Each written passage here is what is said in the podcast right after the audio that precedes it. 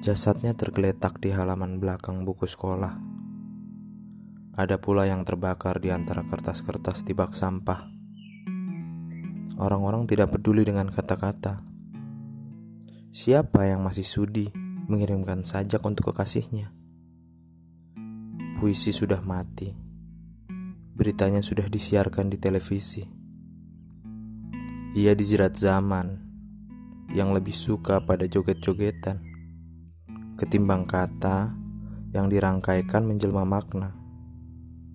Puisi sudah mati, lalu dimakamkan pada hati mereka yang mencintainya.